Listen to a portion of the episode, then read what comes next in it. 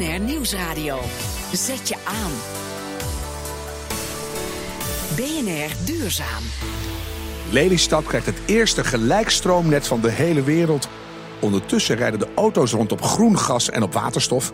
En de Sailors for Sustainability zijn aangekomen in Denemarken. Harm Edens. Waarom zou je de gelijkstroom die uit zonnepanelen en windmolens komt eerst omzetten in wisselstroom en dan weer terug veranderen naar gelijkstroom voor het in je apparaat kan? Dachten ze in Lelystad. Dus daar komt nu een gelijkstroomnet. Het eerste ter wereld, Paul Juffermans van Liander. Dat klinkt heel erg logisch. Dus de vraag, waarom komt het nu pas? Ja, dat is een, eh, dat is een goede vraag. Ehm, wil je zeg maar, dit soort dingen ehm, ehm, net zo goed en betrouwbaar eh, doen eh, zoals we gewend zijn in Nederland eh, met wisselstroomnetten, dan moet je er even goed over nadenken. En dat hebben we gedaan. Ja, een jaar of 120. want heel lang geleden begonnen we ooit met wisselstroom. Dat was een Ja. keuze. Waarom, waarom zijn we toen begonnen met wisselstroom? Eh, nou, het is denk ik zelfs met gelijkstroom begonnen. Maar heel, heel ras wisselstroom geworden. Ja. Omdat eh, op het moment dat je een, met een paar mensen eh, of een paar woningen zeg maar, stroom krijgt, gaat allemaal prima. Maar op het moment dat je met 100 of met 1000 zit, en dat gebeurde natuurlijk, want iedereen wilde toen stroom. eh, toen was het even lastig, want toen moest het van ver komen. Ja, als je van ver komt, dan moet je op hoge spanningen het transport doen. En dat is, wil je naar hoge spanningen komen, was toen alleen mogelijk met wisselstroom en niet met gelijkstroom. Dus toen was het pleit beslecht. En, en nu hoor ik heel vaak het woord toen. En daar tegenover heb je het woord nu. Kan, Ja. het, kan het nu wel over grote afstand met gelijkstroom? Ja, nee, zeker. Dat kan heel prima. Dus dat is opgelost technisch. Eh, Technisch wel, ja. Nou beginnen jullie op een bedrijventerrein in Lelystad. In samenwerking met een gebiedsontwikkelaar, Omala. Wat is precies het plan? Eh, het plan is daar om eh, een aantal bedrijven op dat terrein ehm, een, gelijkstroomaansluiting te geven. Net zoals je zeg maar, eh, nu thuis een wisselstroomaansluiting krijgt. En een, bedrijventerrein, dus dat is een heel afgebakend gebiedje. Ja, dat klopt. Waarom beginnen jullie zo voorzichtig? Ehm, nou, wij willen eh, graag eh, aantonen en laten zien eh, dat het kan. En ook zelf ontdekken of inderdaad alles waar is wat, wat we denken dat er aan voordelen naar voren kan komen. Ja, want dat is natuurlijk de essentie van een nieuw plan. Ja. Is dit voor jullie een, een testgebied met een testfase... waarin heel veel mensen van alles gaan testen? Of weten jullie stiekem al wat eruit gaat komen? Eh, nee, stiekem wat eruit komt, dat, eh, dan zouden we dit niet doen. Ehm, wij eh, hebben zeker een aantal eh, veronderstellingen. We denken dat het gewoon voordelen heeft op, op energiebesparing en materiaalgebruik. Maar die willen we ook laten zien. En dat doen we eerst op een, op een schaal van een bedrijventerrein. Waar toch wel flinke bedrijven zitten hoor. Dus het gaat niet om. het is iets meer dan je thuis gebruikt, zal ik maar zeggen. Ja. En als dat goed gaat en iedereen tevreden is op, op alle dingen, dan gaan we een volgende stap maken. Ja, zeker. En kan je dan mij even schetsen wat er dan voor nodig is... voor je een gelijkstroomnet hebt? Ik denk dat je het lokaal opwekt grotendeels. Op die bedrijven kan je mooie zonnepanelen leggen. Ja. Bijvoorbeeld. En dan? Eh, nou, wat er voor een gelijkstroomnet eh, nodig is, eh, is zeg maar ja, letterlijk gelijkstroom.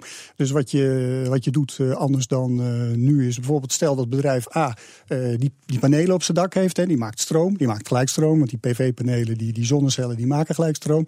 Ehm, die wordt dan nu omgezet naar wisselstroom. Dat is dan niet meer nodig. Dat willen we zeg maar gaan invoeden eh, aan het net. Zodat de buren daarvan, als die gelijkstroom niet door dat bedrijf zelf wordt gebruikt, daarvan kunnen genieten zonder conversies. Of zonder veel conversies, moet ik eigenlijk zeggen. Je blijft altijd een beetje conversie houden. Mhm. Dan, dan heb je Lelystad gekozen en een bepaald bedrijventerrein. Ja. Dan weet je al het aantal bedrijven dat zonnepanelen wil hebben.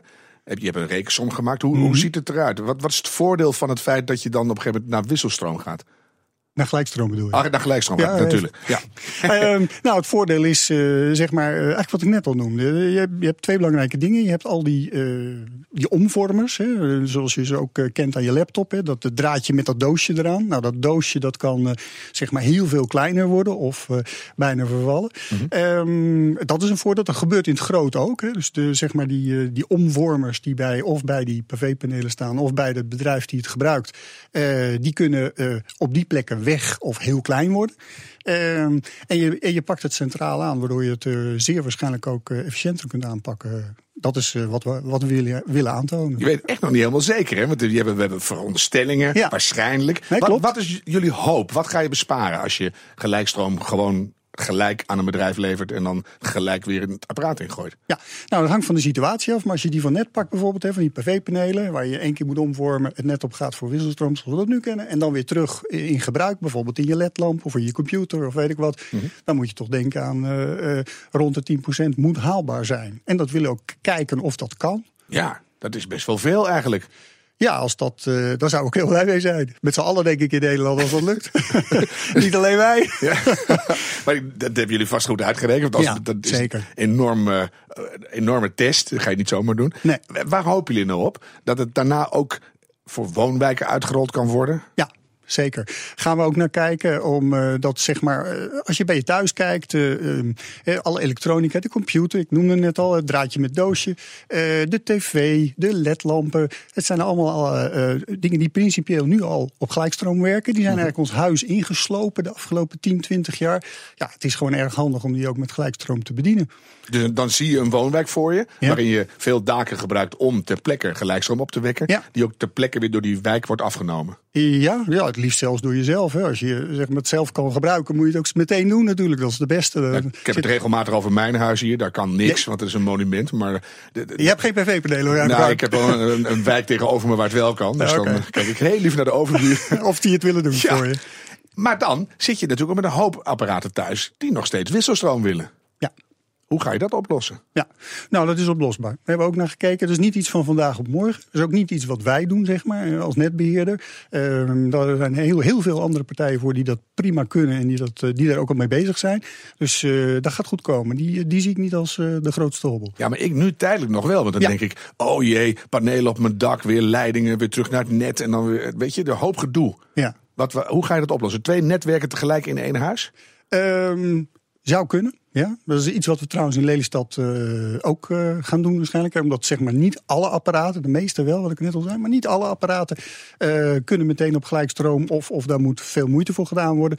Dus daar bieden we ook wisselstroom voor aan om zeg maar die, die overgangsfase te doen. En ook om te ontdekken van, is het inderdaad nodig om nog wisselstroom te hebben? Ja, dat is ook iets wat we... Uiteindelijk kan het misschien helemaal weg. Ja, dat, eh, dat is precies waarom we die doen. Hier kun je over blijven praten, je kunt het ook doen. Nou, dat is wat we nu doen. Nou, nou praten we er toch nog heel even over als het goed is. Dat is goed. Want je hoort ook mensen zeggen van dit soort besparingen in de, in de orde van grootte van 10%, daar moet je het eigenlijk helemaal niet van hebben. Als je nou maar genoeg duurzame energie opwekt, dan maakt het helemaal niet uit hoeveel je onderweg verliest. Ja, zou, zou je kunnen denken, ja. Dat denken Nou ja. die mensen. Wat zeg jij dan van Liander? Ja, ik denk, nou, dat zou ik nog eens willen zien. Ik heb het nog niet gezien. Ik ben altijd heel makkelijk te overtuigen als ik het ook zie. En Jawel, je moet nu wel leidingen aanleggen en zonnepanelen. Die heb je toch nodig. nou, die leiding heb je toch nodig. Ja, maar die, die, die oude liggen er al. Ja, dus je, je moet wel weer heel veel investeren voordat je dat in duurzame termen weer terugverdient. Dan ben je even bezig. Ja.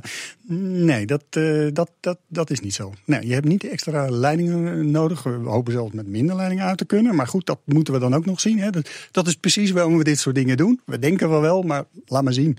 En laat ook maar zien dat het dan net zo eh, betrouwbaar, veilig en betaalbaar is als nu. Het wisselstroomnet wat we hebben is natuurlijk een heel goed ding. Het is niet zo dat we dat aan de dijk zetten of Ja, het betrouwbare is nog, nog belangrijker dan bijna dan het betaalbare. Ja, Als ik nou tuurlijk. even recht in jouw ogen kijk, Paul Juffermans.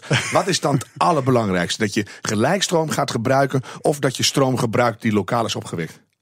Ehm, als die duurzaam is opgewekt, zou ik zeggen, dat vind ik heel belangrijk. Dus daar gaat het uiteindelijk om. En welke constructie we daar dan voor kiezen, dat maakt niet uit. Dat, dat, dat vinden we dan test. Eh, al testend vinden we dat uit. Ja, dat vinden we wel uit. Kijk, dit is, een puzzelstuk, gelijkstroom, eh, die PV-panelen waar je het over had. eh, het zijn allemaal stukjes in de energietransitie waar we allemaal heel hard in zitten nu. Kijk maar naar buiten. Hè, de elektrische auto's zie je hier bijna voorbij Ja, ik rijden. zie je heel veel rijden nu, maar ik wacht, ja, Wacht even op die elektrische auto. veel voorbij. Dus het, langzamerhand verandert het en alle kleine beetjes helpen. Dat zeg je eigenlijk. Ja. Wanneer wordt het park feestelijk geopend? Ehm, de eerste aansluiting eh, gaat in bedrijf, denk ik, in eh, 2018. Als de luchthaven open gaat. hè. En komt dan ook een minister met zijn ouderwetse hendel die dat overhoudt? Hoe, hoe ga je doen? Je moet natuurlijk een mooie duurzame Ja. opening verzinnen. Dat is een, dat is een goeie. Dat is mooi, dat onthoud ik even, die minister. Iets. En dat er dan, Iets. dat er dan iets knettert met vonken. Ja, ook het liefst, ja. Toch? dat zie je wel zitten. ik, eh, ik verheug me nu al. Dankjewel, Paul Juffermans van Alliander. BNR Duurzaam. Nu is een keer niet in Australië op zonnewarmte. Nee, auto's die op een piepklein beetje waterstof met gemak naar Frankrijk rijden. De wagens van de toekomst, ontworpen door 200 studententeams wereldwijd, kwamen dit weekend allemaal bij elkaar in Londen voor de Shell Eco Marathon. Verslaggever Nina van der Dungen sprak daar met Green Team Twente over hun superzuinige auto. Een ware file van de meest futuristische autootjes ontstaat hier langs het traject. Tessa de Koning Gans van eh, Green Team Twente. We staan naast jullie uh, Urban Concept auto. Dit is de auto van de toekomst. Uh, ja, dat, uh, als het goed is wel. In ieder geval de techniek die erin zit, hopen we wel dat die veel terug gaan zien uh, ja, op de weg later. Er staat hier ook al een echte auto die op waterstof rijdt en deze rijdt ook op waterstof. Het is een piepklein karretje. Rood, langwerpig. Doorzichtige bolle kap erop, zodat de bestuurder ook nog wat kan zien. Hoeveel zuiniger is deze auto ten opzichte van een gewone benzineauto? Nou, gewone benzineauto rijdt uit mijn hoofd 1 op 10, 1 op 15 zoiets. Volgens mij heb je dan wel een redelijke benzineauto. Uh, dit jaar hebben we heel goed naar de auto gekeken. We hebben ook al een keer gereden uh, bij een andere wedstrijd. Toen zaten nog niet de meest optimale systemen erin. Maar tijdens die race hebben we een resultaat neergezet van 1 op 650. Dat is dan 1 liter op 650 kilometer rijden? Ja, dat klopt. Dat klinkt bijna onrealistisch. Ja, klopt. Klinkt inderdaad ook onrealistisch, maar het is toch echt zo. En uh, juist omdat we dit dus allemaal zelf hebben ontworpen, zelf gebouwd, is het zo afgestemd dat dit soort resultaten neergezet kunnen worden. Is dit uh, idee toe te passen wat jullie hebben gebruikt op gewone consumentenauto's van nu? Um, nou, het ontwerp en zo, dat wordt, dat wordt denk ik wel echt lastig. Dus echt de, de design van de auto. Maar de technologie die erin zit, dus uh, de brandstofcel en uh, onze gearbox en de elektronica die erin zit, die kan in principe gewoon prima toegepast worden in personenauto's. Uh, er zijn auto's die op waterstof rijden en dat komt ook steeds meer. Uh, er zijn bedrijven die het ook op gaan pakken om uh, zeg maar tankstations aan te leggen. En die slaan dan de handen ineen met grote autobedrijven om zeg maar, dat, ja, die nieuwe manier van rijden op duurzame energie steeds, ja, steeds belangrijker te maken. En dat ja, onder de aandacht te brengen van mensen. Op welke termijn verwacht jij dat dit in de gewone auto's ook zit? Oeh, um, nou dat, het echt, dat, dat je het echt veel ziet. Ik denk dat dat. Uh, dat vind ik moeilijk te zeggen. Vooral, je hebt een beetje het kip en het ei verhaal, zeg maar. Als er nog niet zoveel auto's zijn, komen er ook niet zoveel tankstations en andersom. En uh, daardoor is het gewoon, uh, gewoon lastig om dat in te schatten. Maar ik hoop toch wel dat ik over vijf jaar aanzienlijk meer waterstofauto's op de weg mag zien. En is die al uitontwikkeld? De auto? Nee, is nooit uitontwikkeld. Het kan altijd beter, nieuwer, efficiënter. Er zijn altijd wel dingetjes die nog even aangepast kunnen worden, geoptimaliseerd kunnen worden. Dus met, met zo'n project ben je eigenlijk nooit klaar. Al dus Tessa van Green Team Twente. Ze hebben tijdens de Shell Eco Marathon uiteindelijk de derde plek behaald in de categorie waterstofauto's met 1 op 850. Dat is bijna van Utrecht naar Parijs en dan ook nog weer terug. Straks, de Sailors for Sustainability zijn inmiddels bij het volledig CO2-neutrale eiland Samsø in Denemarken. BNR Nieuwsradio. Zet je aan. BNR Duurzaam. Ivar Smits en Floris van Hees reizen de komende vijf jaar de wereld over op zoek naar duurzame uitvindingen en oplossingen. Wij volgen ze in BNR Duurzaam en dat kan natuurlijk niet zonder. Ivar Smits, hoe was het in Duitsland? Dag Harm, goedemiddag. Um, ja, het was uh, ontzettend interessant. We zijn in, uh, in Kiel geweest en uh, daar in de buurt hebben we twee interessante duurzame oplossingen gevonden. Vertel. Um, nou, allereerst in, in Kiel is de eerste verpakkingsvrije levensmiddelenwinkel van Duitsland geopend, 2,5 jaar geleden. Mm -hmm. Inmiddels zijn er 22 in het hele land, maar we hebben de oprichter gesproken over uh, ja, over het concept en het succes. Want ja, in Nederland is het niet gelukt, zoals we recentelijk hebben gehoord. Um, en daar wel, en dat is heel interessant. Wat is het verschil? Want ik, ik las een artikel in de krant waarin de Nederlandse eigenaar zei... toen we failliet gingen, toen vond niemand het een probleem... om met, bij de korting snel even een bakje van huis mee te nemen. Ja, ik heb het artikel ook gelezen. En um, het is moeilijk om alles te vergelijken... want het is natuurlijk een iets andere situatie in een andere stad. Um, wat, wat ons opviel is dat de oprichter klein begon. Een winkeltje van 80 vierkante meter met zo'n 200 artikelen. Um, heel erg rustig via mond-to-mond reclame, social media, klantkring opbouwde. Mm -hmm. En veel uh, ook free publicity kreeg van pers. Um, ja, inmiddels draait het al 2,5 jaar best goed. En zij was echt uh, vol enthousiasme en ook geïnspireerd door de ja, zero waste beweging Ja. waar ze aan refereerde. En, en dat is natuurlijk interessant op het moment dat je um, geen verpakkingsmateriaal nodig hebt. Ja, daar gaat het natuurlijk om. Hè. Dus nou kunnen Ja. we bij jullie op de website waarschijnlijk weer lezen wat ze goed gedaan hebben. Daar hebben we hier weer iets aan. Jullie zijn ook bij een eh, Community Supported Agriculture programma geweest. En eh, wat was daar zo mooi aan? Ja, eh, op ongeveer twee uur treinen van Kiel is de grootste, zoals dat in Nederlands eh, heet, gemeenschapsboerderij van Europa gevestigd. De oprichter is daar 21 jaar geleden begonnen. Eh, Matthias, eh, ontzettend inspirerende man, die ons uitlegde dat een, een groot deel van de oplossing komt uit de connectie die gezinnen, klanten direct maken met de boer. Dus ze hebben zo'n 600 families. Die betalen maandelijks een vaste bijdrage. Daarmee financieren ze de boerderij. Ehm, en krijgen een deel van de oogst. Ja. En, en ze, ze komen ook op bezoek en ze kijken. Je ziet de dieren hebben ruimte. Er wordt biologisch eh, geteeld met respect voor de bodem en, en de natuur. En het, het draait fantastisch. Ontzettend leuk. Dus hoe korter de lijn en hoe persoonlijker de, de toevoer, hoe mooier het werkt en hoe biologischer het wordt. Jullie zijn nu bij het eiland Samsø. Dat is energie onafhankelijk en er is een heuse Nederlandse burgemeester. Hoe hebben ze dat allemaal gefixt daar? Ja, dat is een hele goede vraag. Eh, wij zijn hier gisteren aangekomen, Harm. Ehm, de komende dagen gaan wij ons daarin verdiepen. We hebben natuurlijk eh, wel, het, wel het nodige gelezen. Ehm, maar hoe het precies zit, dat gaan we morgen uitgebreid horen van, eh, van Søren eh, Hermansen, de directeur van de Energieacademie. En we hopen nog een aantal andere mensen te spreken. Ehm, ja, zodat we de volgende keer de ins en outs ook weten hiervan. Vind ik goed, want we gaan hierna gaan we de zomeruitzendingen in en wij spreken jullie pas weer in de loop van augustus. Waar gaan jullie vanuit Denemarken naartoe? Wat wordt de route? Ehm, het plan is om nog naar Kopenhagen te gaan. Kopenhagen is de eerste grote stad die echt eh, serieuze klimaatambities eh, heeft en daar ook ehm, veel werk van maakt om dat ook te gaan halen. Eh, dat gaan we uitdiepen en daarna hebben we nog een aantal interessante oplossingen in Zweden en Noorwegen. Dan spreken wij elkaar daarna weer. Kan je Kopenhagen al zeggen in het Deens? Ehm, nee, zover, zover zijn we niet. Probeer even. Keubenhaven. Keuben- Keubenhaven, Keupenhaven, zoiets. oké. Ja, tak. Ja, dat, dat, Tak, dat kennen we nog. tak, doe eens ja. een tak. Doe voorzichtig. Ik spreek jullie nog eens. Dank Floris en Ivar van de Sailors for Sustainability. BNR Duurzaam. Als het aan de pompstations van Tamoil en de el- energieleverancier Essent ligt, wordt rijden op groen gas een serieus alternatief voor elektrisch rijden. Hun nieuwe merk Ogo CNG moet uitgroeien tot een van de drie grote spelers op de Nederlandse groengasmarkt. Verslaggever Jigal Krant maakte een ritje in een groen gasauto met directeur Peter Edman van Tamoil.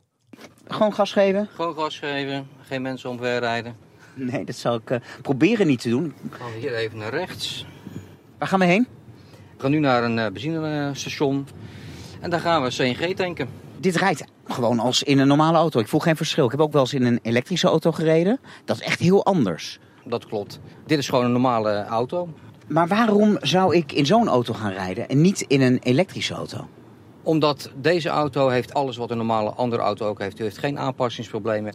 En u doet ook wat aan het milieu. Ten slotte hebben we een, een zeker op groen gas 70% reductie van de emissie. Je doet iets voor het milieu. Niet alles, maar wel wat. Hm, Behoorlijk wat.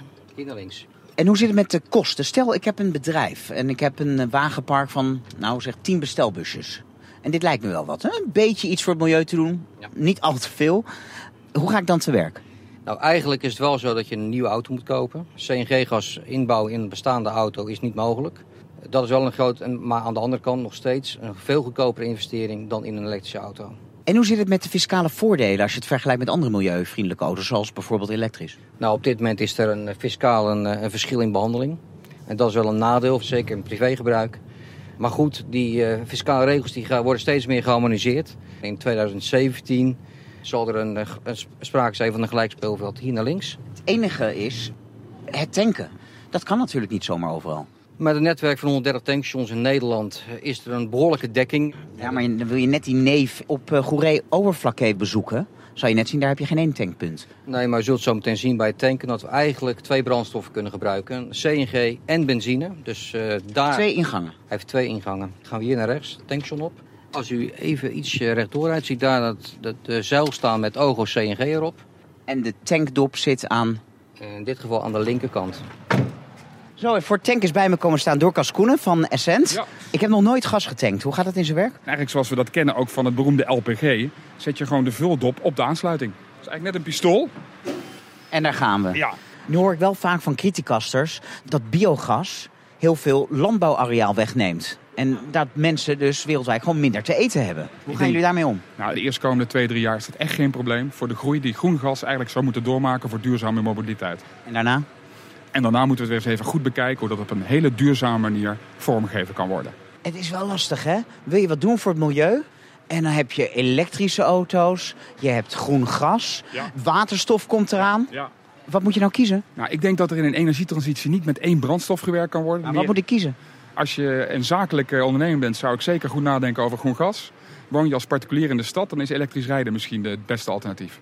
Gewetensvraag, wat rijdt u zelf? Ja, ik rij eigenlijk altijd op de fiets. Maar wat rijdt u zelf? Ik rij zelf een gewone benzineauto, nog. Maar u gaat over op... Ik ga bij de eerstvolgende auto over op elektrisch rijden. En als ik een bedrijf zou hebben, zou ik zeker overgaan op CNG. Nou, hij is klaar eh, met tanken. Ja. Voor 6,39 euro getankt. Ja, En dan zit er 6,53, niet liter, maar kilogram in. ja, ja dat klopt. Ehm, dus bijna één op één. Het is bijna één op één.